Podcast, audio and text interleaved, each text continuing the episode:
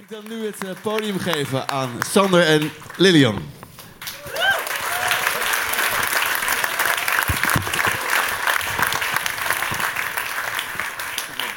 Ging goed, hè? Jongen, jongen, man. Dat was toch fantastisch? Ik wou dat ik dat kon. Heb je Ik dat wou ook dat ik dat kan kon. jij een eh, instrument Ik kan helemaal niks. Nee? Nee. Nee, dat Wel is echt eerlijk. heel erg. Het is wel overzichtelijk. Ja, dat is wel overzichtelijk, Maar ja. wel jammer, ja. Als ik dat zo zie, denk ik, oh, geweldig, toch? Ja, toch? Ja. Fantastisch. Gaan we het eerst nog eventjes hebben over de wedstrijd waar je gisteren zat? Ah, moet het? Feyenoord-Ajax. Hoe heb je erbij gezeten? In alle staten? Ja, hè? Ja. We hadden gewoon moeten winnen, man. Ja. Ja, je was dichtbij. beter. Ja, we waren heel dichtbij. En dan die laatste, die laatste vier minuten Ach, zie ik die Jiménez Jiménez. Op de keeper jongen. aflopen. Doet alles goed. Behalve, Behalve, eh, eh, er- erin schieten. Zwak ingeschoten. Hoe zit jij dan op zo'n eh, op zo'n stoeltje? Zitten? Ja? Ik zit in een soort, ja, tussen staan en springen en dingen. En, ja, je kent het wel. Je was er zelf ook, toch? Ja, ik was Ja. er zelf ook. Ik ken het. Oh. Nou ja. Wat Ja. leuk hè, dat iedereen er is. Ik vind het Heel gezellig. erg leuk. Ja, Ik vind Breda ook zo'n leuke allemaal mensen boven ook. Hallo. Leuk. Geweldig. Echt onwijs leuk. Heel ik, leuk, vind, ja. ik vind Breda sowieso een topstad. Ja, echt. Echt een topstad. Echt heel leuk. Oh, oh, oh, ik, ga ook, ik, ga ook, ik ga ook af, af en toe naar NAC. En dan ga ik naar La Canac. Dat is dan, daarna is dan eh, altijd gezellig. Ik heb, ik heb NAC heb ik wedstrijden zien verliezen. Nou echt. En, en, en daarna was het echt niet minder gezellig bij La, La Canac. gewoon in het stadion. was echt fantastisch leuk. Ja, inderdaad. Ja, nee, maar superleuk. Maakt helemaal niet uit die wedstrijd verloren werd. Zo kan het ook, hè? Zo kan het ook. Ja, zo kan het ook. Ja. hey Leeuw, nou ik je toch ben. Ja. Je hebt een boek geschreven. Ik heb hem hier in mijn handen. Ja. En ik, en ik dacht, eigenlijk dacht ik bij mezelf van... Waarom een boek? Ja, waarom een boek? Ehm, nou, de belangrijkste reden is misschien wel dat eh, wij best wel vaak te horen krijgen... nou, de SP waar jullie allemaal tegen zijn, dat weten we eigenlijk wel. Maar wat willen jullie dan wel? Ja. En dat is best lastig om een podium te vinden om dat eens een keer goed uit te leggen. En als je dus een boek schrijft, nou, dan bepaal je zelf wat je opschrijft. Dus het eerste deel van het boek is kritiek op hoe het nu gaat. Het tweede deel van het boek is hoe dan wel. Dus dat vond ik wel eh, leuk en ook wel nuttig om dat een keer goed op te schrijven. En een andere reden is dat het, eh, ja, weet je, in Den Haag gaat het ook heel veel over de waan van de dag. Eh, weer iemand heeft een tweetje gestuurd waar iemand anders dan weer boos over is. En dan gaan we daar weer met elkaar ruzie over maken en Ja. aan een talkshowtafel over praten. Nou, je weet er alles van. Ehm, en ja, als je een boek schrijft, dan kun je ook eens een keer gewoon eh, van A tot Z je ideeën rustig opschrijven. En dat Ja. vond ik toch ook wel eh, een goed idee. Nou, maar jij zegt je ideeën rustig opschrijven. Maar Ja. ik ken jou al een tijd. Ja. Jij werkt je het snot uit je oren. Waar heb je de tijd vandaan gehaald?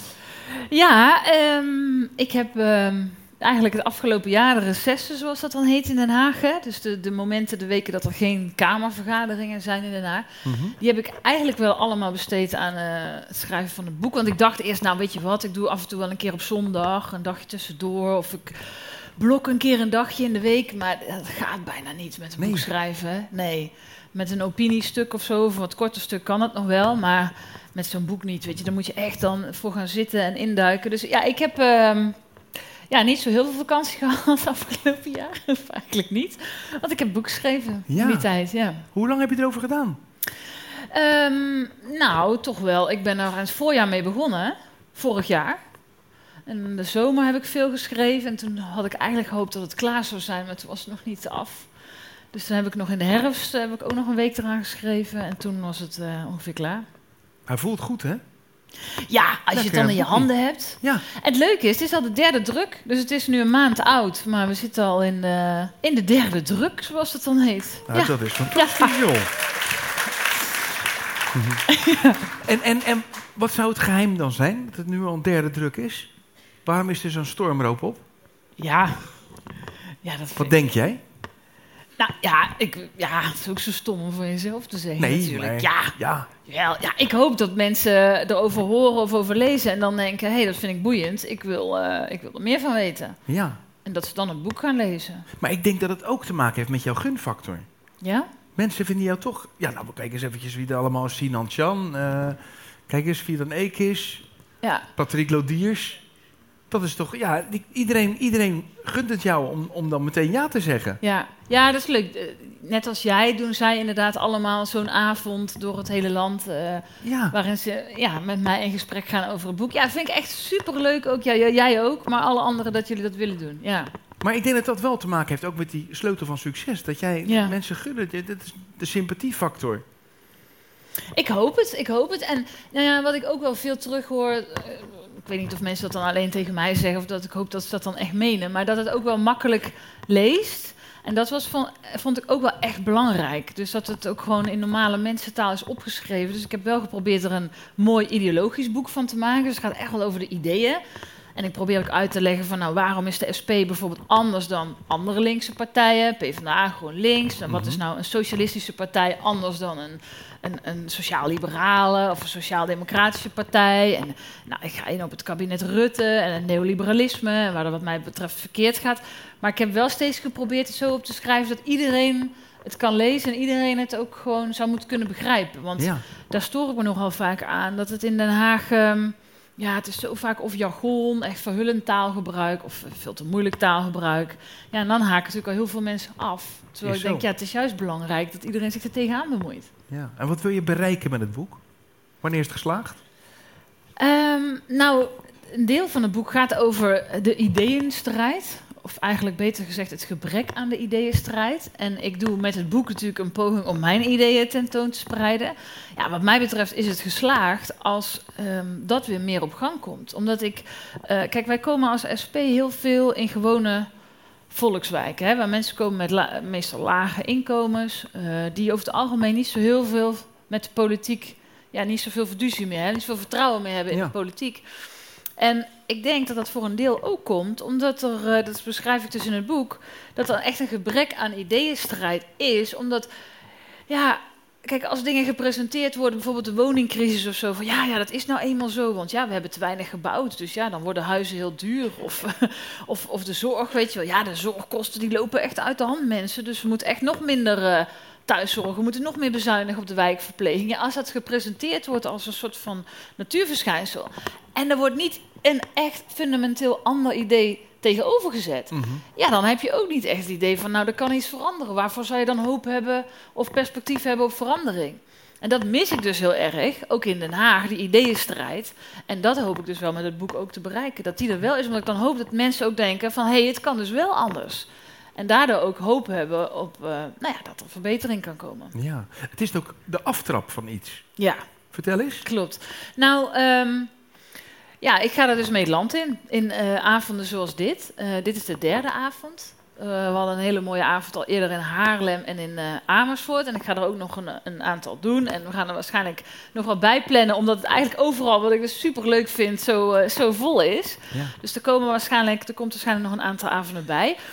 Maar dat heb ik inderdaad ook opgeschreven. Van ja, het boek is wat mij betreft geen sluitstuk. Zo van nou, ik heb opgeschreven wat ik vind en dat is het dan. Nee, ik ga ermee het land in. En ik wil heel graag van mensen horen wat, nou ja, wat, wat jullie ervan vinden, wat jullie ideeën zijn. Maar ja, als we wat willen veranderen, zeg ik er heel eerlijk bij, dat kan ik niet alleen. En dat kunnen negen SP'ers in de Tweede Kamer ook niet alleen. En gemeenteraadsleden van de SP door het hele land ook niet. Dan zullen we wel samen ook ons moeten organiseren en eh, nou ja, dingen moeten gaan doen. In actie moeten komen. En daarvoor zijn deze avonden natuurlijk ook bedoeld. Ja. Hey, jouw boek is een aanval op het neoliberalisme. Wat Ja. is dat precies?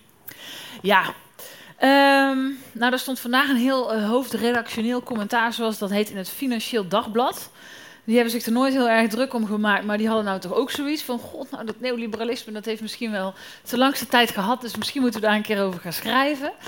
Ehm, maar een aantal dingen, denk ik. Het belangrijkste is het, het geloof in wat ze dan noemen de trickle-down-economie. Dus dat is de gedachte, nou, als het maar goed gaat met de rijke mensen, als het maar goed gaat met de grote bedrijven, dan gaat het als vanzelf wel goed met de mensen op de werkvloer. Nou, dat blijkt dus niet zo Nee. te zijn. Verrassing. Maar dat is echt een kenmerk van neoliberalisme. Eh, het vermarkten van dat wat van ons allemaal is. Dus nou, neem bijvoorbeeld nu actueel de energievoorziening. Hè, Nederland heeft zo'n beetje de meest geliberaliseerde energiemarkt. Hè, dus niet een basisnutsvoorziening, wat ik eigenlijk vind dat energie zou moeten zijn, maar energiemarkt van Europa. Ja, daardoor heb je er heel weinig of eigenlijk niks meer over te zeggen. Want je hebt dat aan commerciële energiebedrijven gelaten. En het idee van een commercieel bedrijf is dat die winst willen maken en dat die aandeelhouders hebben.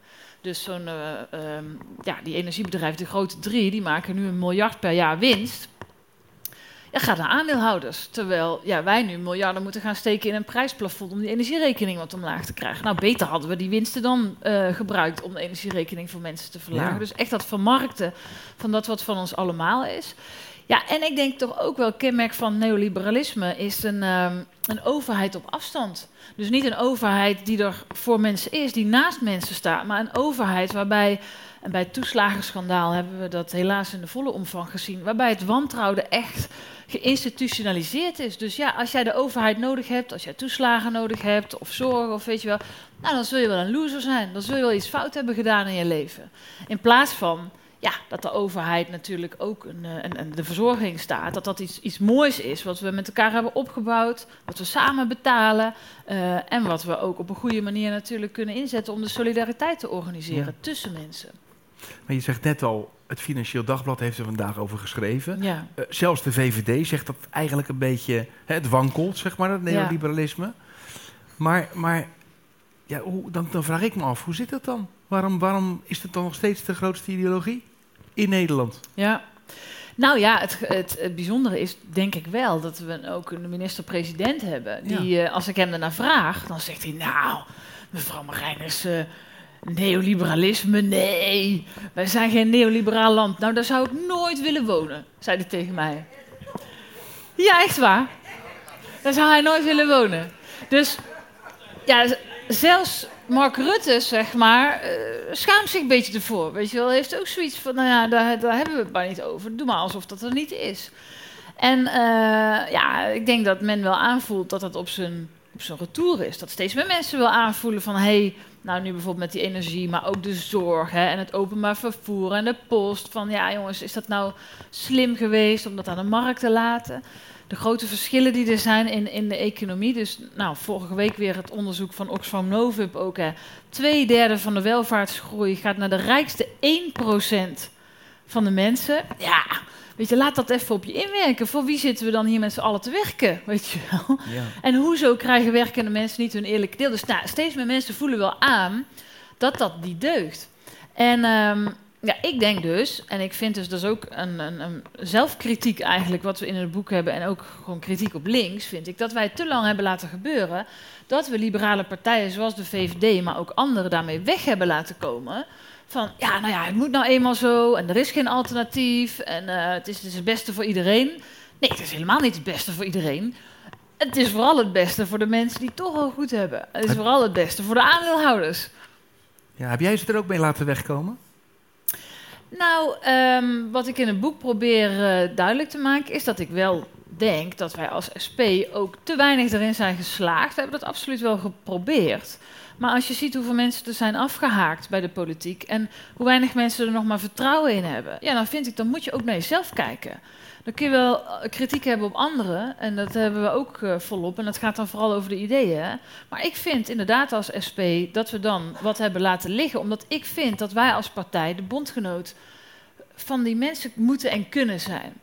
Ehm, en ja, en ik hoop dus dat het boek, en dat zal echt niet alleen het boek zijn, maar ook dat, dat ik ermee het land in ga en doordat we allerlei acties organiseren. Dus 11 februari organiseren we bijvoorbeeld een groot volksprotest in Amsterdam. Komt allen, zou ik willen zeggen. We gaan symbolisch daar de energiebedrijven van de beurs halen. Het is het beursplein, dus voor de aandelenbeurs. Ehm, ja, om maar er wel ervoor te zorgen dat, ja, dat, we, dat we de druk organiseren, zodat Ja. er iets gaat veranderen. Maar goed, aan de andere kant, kijk eens eventjes. Dit is de derde avond. Ja. Een hele volle zaal met heel enthousiaste mensen. Dat zegt ook veel.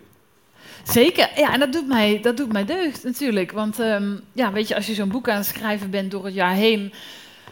Ja, op een gegeven moment was ik halverwege en dan overvalt je toch een soort eh, onzekerheid. Dan denk je, ja, eh, gaat iemand dit wel lezen? Zitten mensen daar wel op te wachten op dit verhaal? Maar ja, als het nu dan zo is en eh, de zalen zitten vol, dan is dat natuurlijk wel heel opgevend. Ja. Jij zegt net, hè, al die eh, neoliberalistische, eh, eh, hoe zou ik het zeggen? De zorg die natuurlijk, ja, het is knudden. Knudden met een rietje, toch? Ja. De, de zorg. Kijk eens eventjes hoe, hoe, die, hoe die zorginstellingen, commerciële zorginstellingen, de veiligheid, private Ja. veiligheid. Ehm, wat, wat kun je er dan tegen doen? ja. Hoe kun je hier tegenin? Nou, wat, ehm, wat je heel erg ziet, is dat eh, er wordt gedaan alsof het neoliberalisme voorbij is, inderdaad. Dat is een beetje gangbaar, hè? nu van eh, het is op zijn retour. Maar wat je dus in de praktijk ziet, is dat dat allerminst het geval is. Dus jij noemt inderdaad bijvoorbeeld eh, de, de commerciële ouderenzorg. Ja, Ja, je ziet dat ze nu het aantal verpleeghuisplekken groeit niet, terwijl het aantal ouderen groeit wel. Dus nou ja, een kind snapt, dan zijn er dus minder plekken per, per Nederlander zeg maar, beschikbaar. En tegelijkertijd groeit ontzettend de, de, de commerciële ja, markt, hebben ze er dus van gemaakt. een markt. Voor de ja. ouderenzorg. Dus er zijn nu buitenlandse zorgorganisaties die onze zorgorganisaties opkopen. Om daar vervolgens geld mee te verdienen, wat dan naar aandeelhouders gaat. Ja, dan denk ik, dat is toch niet waar we met z'n allen belasting voor betalen. Dat betaal je toch voor het, het organiseren van goede zorg voor, op het moment dat je dat nodig hebt. Ja. En dat is ook zo met de veiligheid. Dat eh, in heel veel gewone wijken is de wijkagent verdwenen. Maar wat je ziet is dat als je geld hebt. Ja, dan kunnen mensen een duur alarmsysteem aanleggen bijvoorbeeld. Of ze leggen zelf geld bij elkaar en ze organiseren dat er een eh, busje door de straat komt rijden. Particulier beveiligingsbedrijf. Hetzelfde geldt ook eh, voor de gemiddelde midden- en kleinbedrijf, de middenstand. Ja, die, die, die kunnen niet zelf een particuliere beveiliger voor de deur zetten. Maar bij al die grote winkelketens zie je dat voortaan wel. Die leggen gewoon zelf geld neer, die organiseren hun eigen beveiliging. Ja, er was een tijd, noemde dat Amerikaanse toestanden. Ja. dus dat als je geld hebt, dat je goede zorg kon organiseren voor jou of je naaste. En als je dat niet had, dan had je pech. En voor veiligheid hetzelfde. Maar ja, in Nederland gaan we daar ook gewoon in rap tempo naartoe. En ik vind dat het daar veel te stil over is ja, eigenlijk. in Den Haag gooi je daar toch bijna niks Nee. over? Nee. Waarom niet? Nou, daar willen ze het niet over hebben. Nee, je- want dat is natuurlijk helemaal niet in hun belang om het daarover te hebben. Eh, en dan wordt ook hier weer gedaan alsof dat, eh, ja, ehm, alsof het een soort natuurverschijnsel is. Dus bijvoorbeeld de zorg wordt er gezegd, ja, maar we hebben ook te weinig mensen. We hebben ook te weinig mensen om in de zorg te werken. Dus eh, ja, dan geven we ook maar ruimte aan particuliere initiatieven. Ja, alsof daar geen mensen moeten werken of zo. Weet je, dat is natuurlijk ook onzin. Maar het is ehm, ja, het steeds verder terugdringen van eh, collectieve voorzieningen. Dus dingen die we samen organiseren, die we samen betalen. En daarmee laat men natuurlijk ruimte aan ja, wat ze dan de markt noemen. En daar spelen natuurlijk types op in die daar geld aan willen verdienen. Mhm. En dat is allemaal leuk als je, eh, weet ik veel, schoenen verkoopt of auto's of zo. Dikke prima dat je er rijk mee wordt. Maar niet met basisvoorzieningen als de zorg of het onderwijs of het openbaar vervoer of de post. Dat zijn dingen die van ons allemaal zijn. Die onder democratische controle zouden moeten staan. Bijvoorbeeld die, energiebedrijven, want dat is ook zoiets. Eh, ja, we, staan aan de vooravond van een enorme verandering in onze energievoorziening. Eh, klimaatverandering, we willen naar schone energie toe. Maar we hebben al die energiebedrijven verkocht, Sander. Dus we hebben er eigenlijk niks meer over te zeggen. Nou, dat is toch best wel lastig. Eh, dus dat soort dingen, dat zou echt, eh, ja, dat is ons pleidooi, eh, onder democratische controle moeten staan. Maar wat kan jij eraan doen, Lilian Marijnissen? Ja, ik alleen niet zoveel natuurlijk. Dat moet ik heel eerlijk zeggen. Dus wat, wat ik kan doen en wat wij doen als, als SP is in ieder geval in de Tweede Kamer het debat aanjagen. Is proberen op straat eh, beweging te organiseren, acties te organiseren, de druk opvoeren. Maar ja, uiteindelijk, kijk, eh er komen weer verkiezingen aan. En de eerste zijn alweer de 15 maart voor de provincie. Ja, de afgelopen verkiezingen gingen nog nooit zo weinig mensen stemmen. Maar de helft van Nederland ging stemmen. En van de mensen met een praktische opleiding ging maar 31% stemmen. En dat betekent dus dat een heel groot deel van Nederland niet vertegenwoordigd wordt in Den Haag. Mhm. Dus wat daar wordt bedacht aan ideeën, is ook nog weer eens niet in hun belang. Maar in het belang van, ja, toch vaak partijen als VVD, D66, die hebben een achterban. Ja, daar gaat iedereen stemmen. Er geen haar op hun hoofd van die mensen die denken, nou, ik ga niet stemmen. Die gaan allemaal stemmen. Dus die opkomst is heel hoog. Dus ja, het is echt belangrijk dat, ehm, ja, dat mensen natuurlijk wel, wel gaan stemmen als Ja. we iets willen veranderen. Is het niet af en toe frustrerend voor jou? Dat je af en toe gewoon naar buiten zit te kijken. Ik heb, nou ja, ben een paar weken geleden bij je geweest. Ziet er ook niet gezellig uit naar buiten kijken in de Tweede Kamer op dit moment. Hè? Daar word Nee, je ook een beetje somber van. Ja. Maar word je daar niet af en toe eh sombermans Nou, van? toch niet echt. Maar dat is ook omdat ik ehm, probeer eh, zo min mogelijk van dat soort momenten op te zoeken. En zoveel mogelijk eh, naar buiten. Vorige week was ik nog bij jou in Rotterdam. Bijvoorbeeld bij een straathuisarts Ja. in de Pauluskerk. De dakloze dokter. Juist, de dakloze dokter, ja. En ehm, nou, ja, zij, zij werkt één dag in de week voor mensen die, die de zorg niet kunnen betalen, die Mhm. niet verzekerd zijn. En nou ja, lang verhaal kort, ze ziet een hoop ellende. Maar als ik dan met haar praat en ook de mensen die dan daar zijn die dag en die, die zorg nodig hebben of de dakloze opvang nodig hebben, ja, dan heb ik weer zoveel ideeën en dan hoor ik zoveel dingen. En denk ik, oh, is toch moeilijk? Want zij vertelt één voorbeeldje, bijvoorbeeld gewoon puur ter illustratie hoe het dan gaat. Ze zei, ja, ze had een, een, een, jonge moeder en die werkte s'nachts in een distributiecentrum, eh, want ze was alleenstaand en overdag moest ze dan voor haar kind zorgen, want die had best wel veel zorg nodig.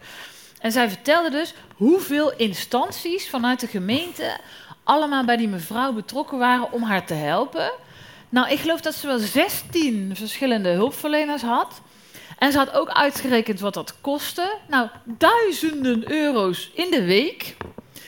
Terwijl, ja, het schoot, die vrouw schoot er ook nog eens niks meer op. Dus uiteindelijk heeft eh, Michelle, dat was, eh, zo heet die eh, straathuisarts, Mhm.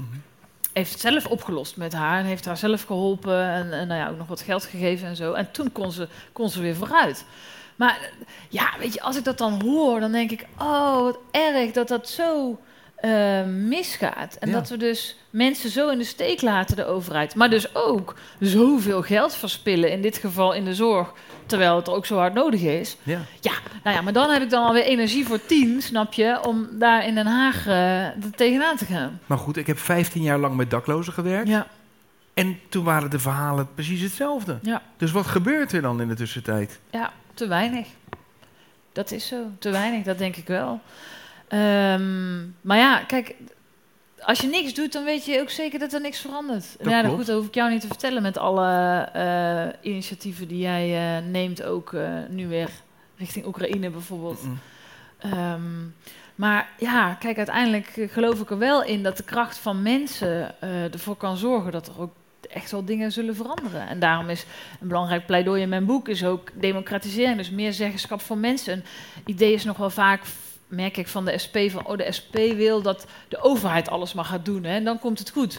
Nou, dat denk je helemaal niet per se. Kijk naar het toeslagenschandaal. Deze overheid, die heeft het aardig verpest. Maar dat is deze overheid, die is gecreëerd door een neoliberale politiek. Daar moeten we dus vanaf. Dat geïnstitutionaliseerde wantrouwen. Dus, dus dat doorgeslagen eh, werken met indicaties in de zorg bijvoorbeeld. Geef zorgverleners zeggenschap over hun werk. Weet je wel, die mensen werken met hun hart. Die weten heus wel wat er nodig is en wat er niet nodig is. Maar geef die mensen het vertrouwen. Ja. Eh, als het gaat over mensen die, die toeslagen nodig hebben. Ja, laten we het fundamentele debat voeren van ja, hoe kan het zo zijn dat je in Nederland als je werkt zo weinig verdient dat je toeslagen nodig hebt om rond te komen. Eh, want eigenlijk is het natuurlijk, ja, de toeslagen worden betaald door de belastingbetaler. Maar het zijn de grote bedrijven die de lonen laag houden, de winsten zijn steeds hoger. Daarmee zijn die toeslagen natuurlijk eigenlijk een indirecte subsidie voor grote bedrijven, voor grote winsten voor grote bedrijven. Ja. dat soort fundamentele discussies moeten we voeren en dat soort dingen moeten we, wat mij betreft, veranderen. Want je vertelt net eh, goede voorbeelden. Hè? Je bent in de daklozenopvang geweest. Ja. Je hebt de straattandarts ook gezien. De straatdokter gezien. Ja. Hoe ver staat dat dan af van de Haagse realiteit? Mijlenver. Ik kan me daar elke keer weer over verbazen. En ook ontzettend kwaad over maken. Omdat, ehm, nou, de straattandarts, en dat ook zo'n mooi voorbeeld. Dat is de totale waanzin. Ik mocht een dagje met haar ook meelopen. En eh, nou, zij behandelt dan dus in dit geval mensen die tandarts nodig hebben en dat niet kunnen betalen. Dat doet ze dan een dag gratis in de week. Dan kwam een meisje van, eh, ja, zoals mijn leeftijd, denk ik ongeveer. En dat raakte mij zo, want zij had nou ja, iets aan haar gebit, waardoor er ontstekingen optraden en zo. Nou, haar hele gebit was eigenlijk naar de kloten. Maar daardoor had ze niet alleen heel veel pijn. Ze ging al maandenlang met pijn door het leven. Maar ze was ook uiteindelijk haar relatie verloren. Omdat dat, nou ja, ze was haar baan verloren. Mhm. Omdat toch, ja, als je gebit, weet je, als het er niet goed uitziet. Dus dat heeft dat ook van invloed op je werk. Dus zij was eigenlijk haar leven kwijt. En zij kwam dus bij Didi, die straattandarts, en die had haar geholpen. En zij zei dus gewoon van, ja, en dat raakte me echt in die stoel van, ik heb gewoon mijn leven weer terug. eh, Ja. omdat haar gebit weer eh, was opgeknapt. En dan hebben we dus te maken met een zorgsysteem waarbij je ja, op het moment dat je naar de tandarts gaat, dat zelf eh, moet betalen. En zeker nu de kosten voor veel mensen oplopen, steeds meer mensen dat niet kunnen betalen, dus die gaan dan niet. En uiteindelijk is het dan zo erg dat op het moment dat er dan een, een, een kaakchirurg aan te pas komt, dan wordt het vergoed. En dan, en dan wel, dus dan moet Ja. het gebit getrokken worden. Maar dat is toch te gek voor woorden? Ja, dat is, dat is te gek voor woorden. Dat is compleet gestoord. Maar dat, dan denk ik, dat snapt dan toch iedereen als je dat dan hoort en ziet. Maar in Den Haag dus niet. Ja. Nou, en dan denk ik, ja, hoe kun je zo ver afstaan van de realiteit van alle dag van mensen? Ik ben Mark Rutte ook nog nooit tegengekomen bij ons in het dakloze circuit. Die kwam nooit kijken. Nee. Nee, maar er kwamen een hoop politici kwamen kijken van hoe Ja. eventjes zelf voeling hebben. Ja. Maar ik kwam hem nooit tegen. Ja, ik denk dat dat heel belangrijk is. Dat je, ja, ik probeer dat in ieder geval wel zoveel mogelijk te doen. Ik bedoel, eh, eh, ja, weet je, daar in Den Haag hoor je echt niet eh, wat er speelt. Dat Nee. hoor je, ja, we gaan ook veel. Vorige week was ik bijvoorbeeld in Arnhem. Op de Geitenkamp heet dat dan in, een wijk waar me- veel mensen met lage inkomens wonen, ook veel sociale huurwoningen. Nou, dan bel ik gewoon aan ook eh, bij mensen en dan vraag ik gewoon van, goh, hoe gaat het hier? Wat gaat er goed in de wijk? Wat gaat er minder goed in de wijk? Nou, daar begon dus iedereen over. Eh, slechte isolatie van huizen, eh, daardoor enorme tocht, daardoor een nog hogere energierekening. Ja, mensen maken zich super veel zorgen over hoe ga ik dit nog eh, langer betalen. Ja. En dan denk ik, ja, daar moeten we het over hebben in Den Haag. In plaats van weer voor de zoveelste keer over onze eigen werkdruk. Van, ach, wat hebben we toch zwaar. Of over de voorzitter, of die wel of niet functioneert. Of over Forum voor Democratie, die dan weer een tweet heeft gestuurd... waar mensen boos over zijn. Ja, Het gaat eigenlijk over de verkeerde dingen. ja. En, eh, en het ergste is, dat is natuurlijk met een agenda. Want ja, eh, ik kan me nog herinneren, vlak voordat eh, het kerst werd, die week waren er twee hele belangrijke debatten. Eén over de toekomst van onze pensioenen. Nou, dat gaat over 1500 miljard. en één over het prijsplafond. Nou, daarvan is onduidelijk wat het gaat kosten, maar de schattingen zijn tussen de 11 en de 40 miljard. Nou, denk ik, zijn toch best wel wezenlijke, belangrijke dingen. Het gaat over of mensen op tijd kunnen stoppen met werken, of je een, een pensioen hebt wat eh, een beetje koopkrachtig is. En het gaat over of mensen de energierekening kunnen betalen. Ja, ik zou dan verwachten dat daar alle aandacht voor is. Dat daar het, politieke debat wordt gevoerd, de ideeënstrijd wordt gevoerd, dat de media daar helemaal bovenop zit. Nou ja, we hebben afgelopen zaterdag in Utrecht een, een pensioenberaad georganiseerd met allerlei experts bij elkaar, heel veel kritiek op die pensioenwet. Ja, er was geen media. Ja, ik verbaas me daar dan over. Ja. Maar goed, ja, als het nu dan weer gaat over eh, een uitspraak van eh, mevrouw Kaag, die vindt dat we ons moeten uitspreken tegen extremisme of zo, ja, dan word ik weer gebeld of ik daarop wil reageren. Ja. Dan denk ik, ja, maar welke voedingsbodem creëer je zelf als je zo'n ongelijkheid laat bestaan in je land? En als mensen zich zo in de steek laten voelen, terecht door de politiek. Ja. Terwijl in de tussentijd de armoede steeds verder groeit. Ja, In een stad als Rotterdam, één op de vijf kinderen groeit op in, in armoede. Dat is natuurlijk te krankzinnig voor woorden als je Ja. erover nadenkt. Gaan die mensen wel stemmen? Want ik zou zeggen, er zijn inmiddels zoveel mensen. Ja. Als die naar de stembus gaan, sta je bovenaan, ben je Ja. koploper. dat is het. Nou, ik zal je anders vertellen. Er zijn, eh, ik noemde net partijen als VVD en D66. En je ziet de wijken waar zij goed scoren, is de opkomst heel hoog. Maar Ja. er zijn wijken waar de SP inderdaad 50% van de stemmen haalt. Dus één op de twee mensen stemt SP. Maar daar gaat dan maar 30% van de mensen stemmen. Ja, en dan denk ik ook wel eens wat. Maar dan kijk ik naar onszelf. Hè. Dus dat is in niks, wil ik duidelijk maken, een verwijt aan, aan mensen die niet gaan stemmen. Want ik snap dat je op een gegeven moment denkt, ja, weet je, het maakt gewoon geen reet meer uit waar ik op stem. Crisis of geen crisis, eh, ik trek toch aan het kortste eind. Maar ik denk wel eens, oh, als het ons nou zou lukken om van die 30%, oh, we maken we er maar 40% van. Ah, maken we er maar Ja. 50% van. Hoe het er dan uit zou zien. Ja, heel anders natuurlijk. Ja. Hey, iets anders. Het klimaat. Hoe, Ja. ja. Daar we het ook nog Hoe, over hoe heeft dat neoliberale denken ons klimaatbeleid beïnvloed? Ja, nou, ehm, ik denk onwijs. Ehm, en ik vind dat, dat linkse partijen daar ook te veel in mee zijn gegaan. Eh, kijk, iedereen vindt dat we eh, een schone toekomst voor de gener- generaties na ons moeten koesteren. En dan moet er heel veel gebeuren. Als het gaat om schone produceren, noem het allemaal maar op. Maar de manier waarop dat vervolgens gaat, is dus knijter neoliberaal inderdaad. Op dit moment zijn het de laagste inkomens die al het meeste verduurzamen, zoals dat heet. Ja. Maar die het minste profiteren van al die klimaatsubsidies die er bijvoorbeeld zijn. Nou, ik vind dat dus eh, super oneerlijk. Ja. Ehm, als je kijkt naar de grote bedrijven die verantwoordelijk zijn voor het over, over, overgrote deel van onze uitstoot. Kijk, wij zijn allemaal, nou ja, waar ik ben groot geworden met die eh sterreclames van een beter milieu begint bij jezelf. Dat is wat in onze hoofden is eh, geprent, zeg maar. Maar hallo, een beter milieu begint helemaal niet bij onszelf. Een beter milieu begint bij de shells Ja. van deze wereld. Dat zijn de giga-uitstoters. Die zouden we aan moeten pakken. Dat zet pas echt zoden aan de dijk. Tuurlijk, het is fijn als we allemaal ons steentje bijdragen. Eh, dat moet je vooral niet nalaten. Maar nu is het natuurlijk compleet andersom. Dus als het gaat over die klimaatsubsidies, is eh, ik geloof dat 80% van de klimaatsubsidies gaat naar de 20% rijkste mensen. Ja, dat moet dus precies andersom. En zo kan ik nog wel even doorgaan. Het is veel te individualistisch eh, ingesteld ook. Ja. En ik vind dus ook dat ook sommige linkse partijen daar te veel in mee zijn gegaan. Terwijl ik denk, ja, als er nou toch iets is wat juist solidariteit vraagt in, tussen generaties, eh, tussen mensen hier en aan de andere kant van de wereld, dan is het wel het aanpakken van het klimaatprobleem. Maar wat doen wij? Nee, jij moet eh, kijken of je zonnepanelen wilt. eh, u moet kijken of u misschien uw huis wil isoleren. Ik moet maar elektrisch gaan rijden. eh, iemand anders moet, u moet een warmtepomp nemen. En dan moeten we ook nog maar zelf uitzoeken wat dan en hoe dan. Ik maak wel eens de vergelijking met de riolering. Nou, die is er ooit gekomen omdat men dat goed vond voor de volksgezondheid. Was wel zo verstandig. Mhm. Ja, dat heeft de overheid toen ook samen gedaan. Toen hebben we die riolering samen aangelegd bij elk huishouden.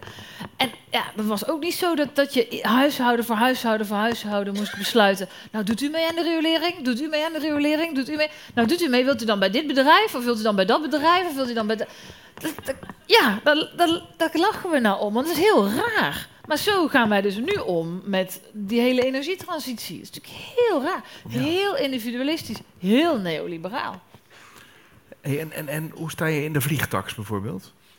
Nou, dat is ook een, eh, ja, dat is wel een, eh een goeie, want dan is ook weer zoiets. Dan moeten ze, ja, we moeten vliegen, eh, moet duurder worden, want dat is slecht voor het milieu. Ja, dat klopt. Dat is helemaal waar. Maar dan komen ze met een vliegtax. ehm, terwijl als je weet dat ehm 40% van alle, al het vliegverkeer wordt gedaan door de, door de 8% veelvliegers, zoals het dan heet. Dus dat zijn ja, vaak van die zakenvliegers, weet je, die Mhm. vliegen elk weekend ergens naartoe of die vliegen de hele wereld over voor de volgende conferentie. Ja, die moet je aanpakken. Want dat is en effectiever om wat te doen voor het klimaat, want dat zet zoden aan de dijk. En dan denk ik, ja, weet je, dat gezin dat twee jaar lang eh, moet sparen om dan uiteindelijk één keer een week naar eh, Mallorca op vakantie te gaan om te vliegen. Ja, als je dat ticket een paar tientjes duurder maakt, dan raak je die mensen echt keihard. Want die kunnen dan misschien niet op vakantie. En het zet voor het klimaat niet zoveel zoden aan de dijk. Terwijl die rijke stinken, die paar, als dat een paar tientjes omhoog gaat, dat ticket, maakt niks uit. Die vliegt gewoon nog steeds door. Ja. Dus ik zou zeggen, doe dan niet een vliegtax, maar doe een veelvliegerstax. Dus hoe meer jij gaat vliegen, hoe meer jij gaat betalen. Dus als jij kennelijk zoveel geld hebt dat je elk weekend de wereld rond kan vliegen, nou dan ga je dat ook voelen in je portemonnee. En dan gaat het voor jou ook wat doen. En dan leg je de rekening ook waar die hoort. En het is effectiever voor het klimaat. Weet je waar ik ook wel eens aan zit te denken? Die trein die moet goedkoper. Ja, Ik vind die trein zo duur. ja, niet en, normaal. en dan rij ik, als ik nou, ik heb zitten kijken, als zodra je de grens overgaat en je gaat naar Duitsland, Ja. dan kost het geen drol. ja, Hoe, wat, wat gaat er mis? ja, dat klopt, ja. Ga jij er nou eens even met gestrekt been noppen vooruit in? Wat moet er gebeuren? Ja, eh, sowieso het openbaar vervoer is is onbetaalbaar het is niet geworden. te geloven? Nee, trein is veel te duur. Eh, buslijnen zijn veel al verdwenen. Ja, Maar hier heb je het ook weer mee te maken. We hebben nu eh eh buitenlandse staatsbedrijven. Dus we hebben een, ook grappig hè, dus we hebben een Vattenfall, een buitenlands staatsbedrijf, een Zweeds staatsbedrijf wat onze energie doet. En dan zegt de SP, zullen we nationaliseren, zullen we een Nederlands staatsbedrijf doen? In Nederland is dan heel gek, maar een Zweeds staatsbedrijf vinden we dan heel normaal. Maar dat geldt voor het openbaar vervoer ook. We hebben allemaal eh, Veolia, Frans, we hebben Italiaans, Duitse bedrijven, staatsbedrijven, die ons openbaar vervoer Ja. regelen. En zij worden er rijk van. Wij betalen het volle met. ja. Nee, het slaat helemaal nergens op. Maar ja, ik hoop dus wel dat meer mensen dat ook gaan, eh, gaan inzien. En in, want in Den Haag worden we nog steeds, proberen ze ons toch een beetje weg te lachen. Ook als we zeggen, nou, we willen onze energie weer in eigen hand nemen. Nou, dat kan niet, dat is een belachelijk idee. En gaan ze het helemaal aan voorbij dat het tot een aantal jaren geleden natuurlijk gewoon zo was. Voor de privatisering was dat zo. Eh, en vonden we dat ook volstrekt normaal. Ja. Dus ja, het kan wel. Sterker nog, we hebben als een, wat ik zei, een Zweeds staatsbedrijf wat onze energie nu regelt. Vattenfall heeft de afgelopen twee jaar 800 miljoen euro winst gemaakt. 800 miljoen euro. Ons geld gaat naar de Zweedse staatskas. En nu met dat prijsplafond moeten weer miljarden belastinggeld Ja. naar de energiebedrijven toe. Ja, sorry, daar hadden we die 800, euro, 800 miljoen euro wel voor kunnen gebruiken. Als ik jou zo hoor, hè, dan denk ik, je moet er wel mee doen. Je moet de politiek in. Dat zou je eens wel mee moeten doen. Ja. Heb je er nooit aan gedacht? Nee, wel een leuk idee wel. Ja, toch? Ja, hey, even iets heel eh, anders. ik ben nog met dat muziekinstrument bezig. Ja, maar nog dat, steeds, eh, hè? wordt- dat wordt hem niet. Nee. Oh. nee. Hey, ehm, jij zegt in het boek dat, eh, dat, dat, dat de politiek bewust te weinig bouwt. Mhm. Leg dat eens uit. Ja. Hoe kan je nou, te, Nou. te- bewust te weinig bouwen terwijl we zo veel Omdat- woningnood hebben? Ja, omdat we dus van onze, daar ga je weer, eh, zoals onze energievoorziening een energiemarkt is geworden, is onze volkshuisvesting een woningmarkt gemaakt. En een markt, op een markt wil men geld verdienen. Dus ja, daar heeft de belegger het voor het zeggen. En die bouwt alleen maar dat wat commercieel lucratief is. Daar waar je geld kan maken. Terwijl voorheen hadden we bijvoorbeeld ehm, woningbouwverenigingen. Ja. Die heten nu woningcorporaties. Let op, het woordje bouwen is dus in één keer plotsklaps verdwenen. hè, Want woningbouwverenigingen, die bouwden ook nog volop. Nou, er wordt nu veel te weinig sociale huur gebouwd. Maar woningbouwvereniging was ook een vereniging. Met huurders die daar lid van waren, die daar dus zeggenschap over hadden. En nu met die woningcorporaties is het allemaal op afstand. Eh, huurders hebben geen klap meer te zeggen over of er wel of niet wordt gesloopt of wat er wordt gebouwd. Ja, en dat is natuurlijk niet gek op het moment dat je het aan de markt laat. En dat stoort mij dus ontzettend aan de politiek van de kabinetten Rutte. Die presenteren nu de hele wooncrisis ook als een soort natuurverschijnsel. Van goh, wat vervelend, er is te weinig gebouwd, dus nu is er woningnood en eh, daarom zijn de prijzen zo hoog. Ja, dat is natuurlijk, daar heb je doelbewust op aangestuurd. En daar stuurt men nog steeds op aan. En dat kan je volgens mij alleen maar veranderen op het moment dat je eh, naar een ander systeem gaat. En dat- Mhm. dat, je, dat je er weer volkshuisvesting van maakt. ja, In plaats van een woningmarkt. dat is eigenlijk heel duidelijk dus. Daar gaan we voor. Ja, dat vind ik eigenlijk ook wel. Ja. Ja. Hey, nog vijf minuten, dan gaat eh Geuzenbroek weer optreden, Marijnissen. Maar ehm, ik wil jij nog wel even spreken over de toeslagen.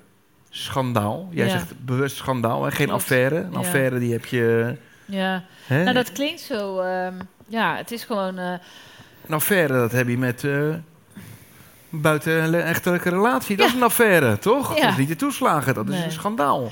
en Maar- Jij zegt het is geen incident meer. nee, precies. Dat, dat, en dat is het cruciale.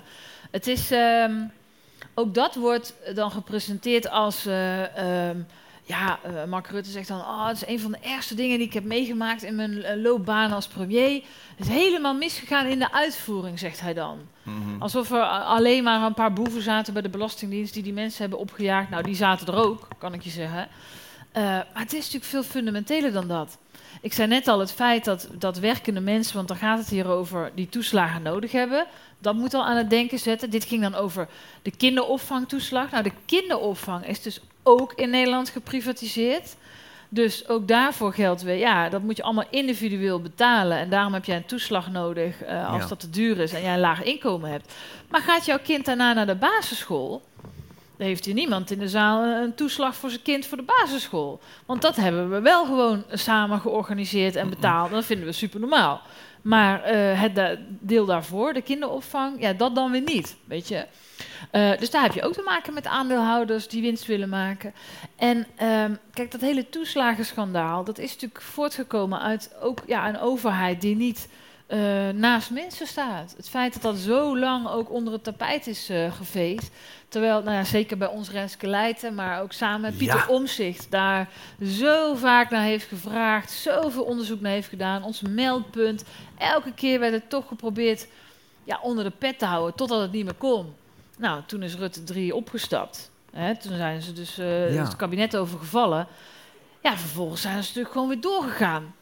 In een Rutte 4 met dezelfde mensen, dezelfde ideeën, dezelfde partijen. Ja. En dan zou ik toch denken, dan is het toch je eer te na, dan wil je toch alles op alles op alles zetten dat ja, die mensen die zo'n onrecht is aangedaan, want die levens zijn gewoon kapot gemaakt. ja. Mensen onterecht beschuldigd als fraudeur, ja, dat je dat oplost. Oplossen. Ja, dan horen we dus van de week dat het misschien nog tot 2030 kan gaan duren. Dat is toch niet normaal? Dan schaam je je toch kapot. Dan schaam je een bankstel, serieus. Ja. Maar weet je wat het ook is? Ik vind het dan zo absurd dat het eigenlijk gewoon weer doorgaat met dezelfde partijen. Ja. En dat Renske Leijten voor al haar inzet niet beloond Ja. is. Dat snap ik niet. Ja. Ik, ik- maar als, als simpele stemmer, zeg maar, snap ik niet dat dat niet wordt afgestraft. Ja. Ja. Ja, ik- ja, ik had daar ook moeite mee, om heel eerlijk te zijn. Maar ja, de kiezer bepaalt. Dus eh, ja, ik moet daar niet over zeuren. En, en Renske ook niet. En andere SP'ers ook niet. We zullen aan de bak moeten. Ja. maar goed, uiteindelijk, het is wel deze politiek Ja. die dat heeft veroorzaakt. Dus als je wil dat het anders gaat, moet je ook kiezen voor een andere politiek. Ehm, en ja, ik hoop dat het boek daar een bijdrage aan levert. En deze avonden en alle andere dingen die we ook doen. Ja. Want dat is wel wat ons te doen staat. Straks, na de muziek, kan iedereen vragen aan jou gaan stellen. Ja. Ik heb jou heel vaak winst horen zeggen. Heel vaak eh, grote bedrijven, veel winst. Gaat ook alle kanten op, behalve de goede kant. en jouw, eh, jouw boek heet niet voor niks De winst van eerlijk delen. Mhm. Wil jij daar nog een mooi, eh, mooi statement over maken? Over de winst van Een eerlijk delen. doorvrocht, een doorvrocht mooi verhaal. En dan denk ik dus niet aan gisteren eh, de, de, de, punten delen. Nee, nee, nee, maar dat was ook, dat was ook niet eerlijk delen. hè? was Dat een was ook niet eerlijk eerlijk delen. Nee, hè?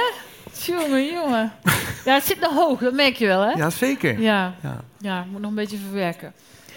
Maar, ehm, nou ja, de winst van eerlijk delen is... ehm, ja, joh, weet je, op een gegeven moment moet je natuurlijk een titel bedenken voor zo'n boek of zo, wat best wel lastig is. Ja. Maar ik dacht, ja, wat is nou een mooie titel? Ik dacht, de winst van eerlijk delen is wel iets wat, ja, wat, wat, wat, wat breder, denk ik wel. Ehm, mensen voelen van, ja, eerlijk delen is op zichzelf wel iets wat, ja, wat, wat belangrijk is. Maar het gaat ook veel over onze economie natuurlijk. Dus daar slaat het ook wel degelijk op. Dat ja, eh, een steeds groter deel van wat we met z'n allen verdienen, inderdaad. Klopt, gaat niet naar werkende mensen, maar wel naar de aandeelhouders. Ja, en ik denk dat die fundamentele ongelijkheid in de economie, ja, als we dat aanpakken, dan kunnen we eh, zo'n groot verschil maken in de levens van zoveel mensen. Ehm, ja. nou, dat is ook Heeft Rutte hem al gelezen? Ja, dat weet ik niet. Dat zou goed zijn, hè? Nou, er staan misschien best wel wat, eh wat goede ideeën in. ja. ja. Schrijf op, ja, precies, opsturen, gesigneerd. Gesigneerd, ja, tuurlijk. Of ja, ja je, je kan hem ook aan hem geven, Ja. uitreiken eventjes. Maar eh, ja, het lijkt, me, het lijkt me hartstikke goed. We gaan dadelijk, gaan we lekker met elkaar eh, verder discussiëren. Maar eerst krijgen we die waanzinnige goede zanger weer terug. Hier is Niels Geuzenbroek.